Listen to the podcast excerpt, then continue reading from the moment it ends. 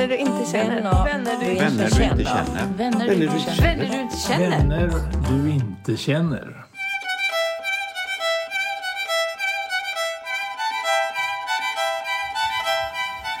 Nu är det december och jag vet att många av er har jobbat så hårt i år. Det är ju dåliga tider också. Så man har behövt jobba extra hårt kanske för att kunna få råd till det som kostar. Jag jobbar ju på uppdrag och kan styra min tid lite mer själv. Det är jag väldigt, väldigt tacksam och glad för att jag kan göra. Okej, det, jag har ingen trygghet och jag får bara pengar när jag jobbar. Men ändå, jag är mycket friare med mina dagar. Där jag bor så hör jag varje morgon när jag fortfarande ligger i sängen, när klockan är halv sju ungefär, då åker våran garageport upp. För då är det min granne och vän som ska åka till sitt jobb. Då tar hon ut cykeln. Och sen ska hon cykla någon mil, eller kanske är det mer, till den lågstadieskola där hon jobbar. Eh, och det är roligt, men det är också väldigt mycket ansvar och mycket slit. Och det har hon gjort i över 30 år nu.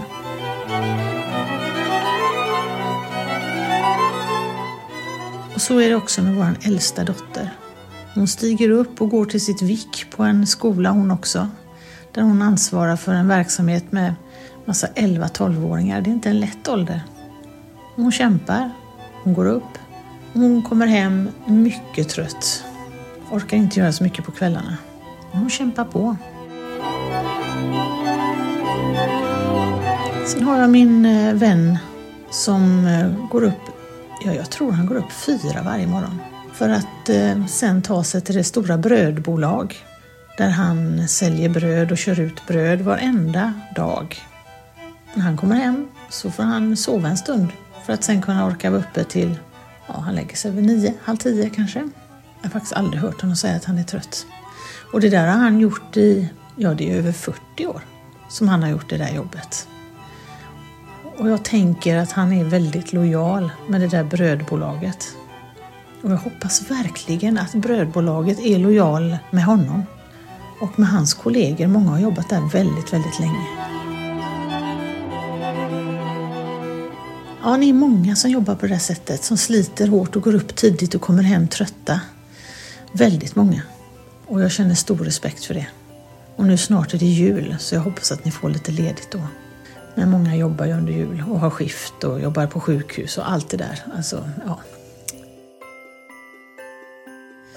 Men så är ni också några som jag har jobbat med själv under året.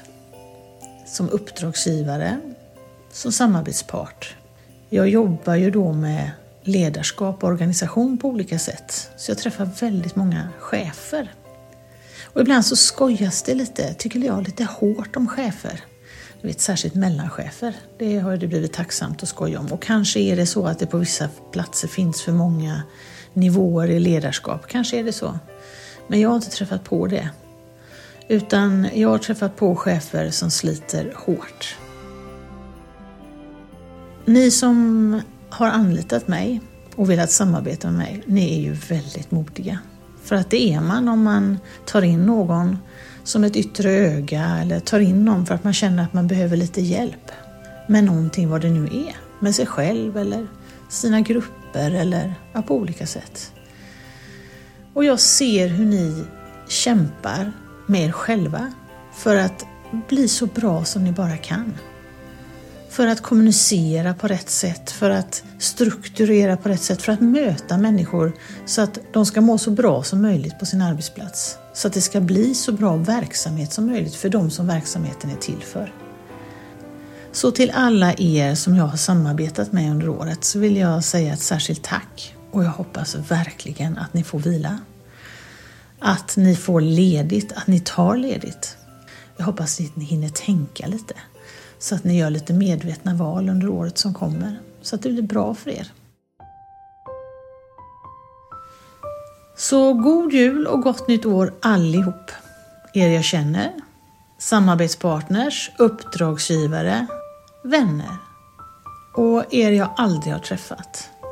Ja, och vänner jag inte känner då.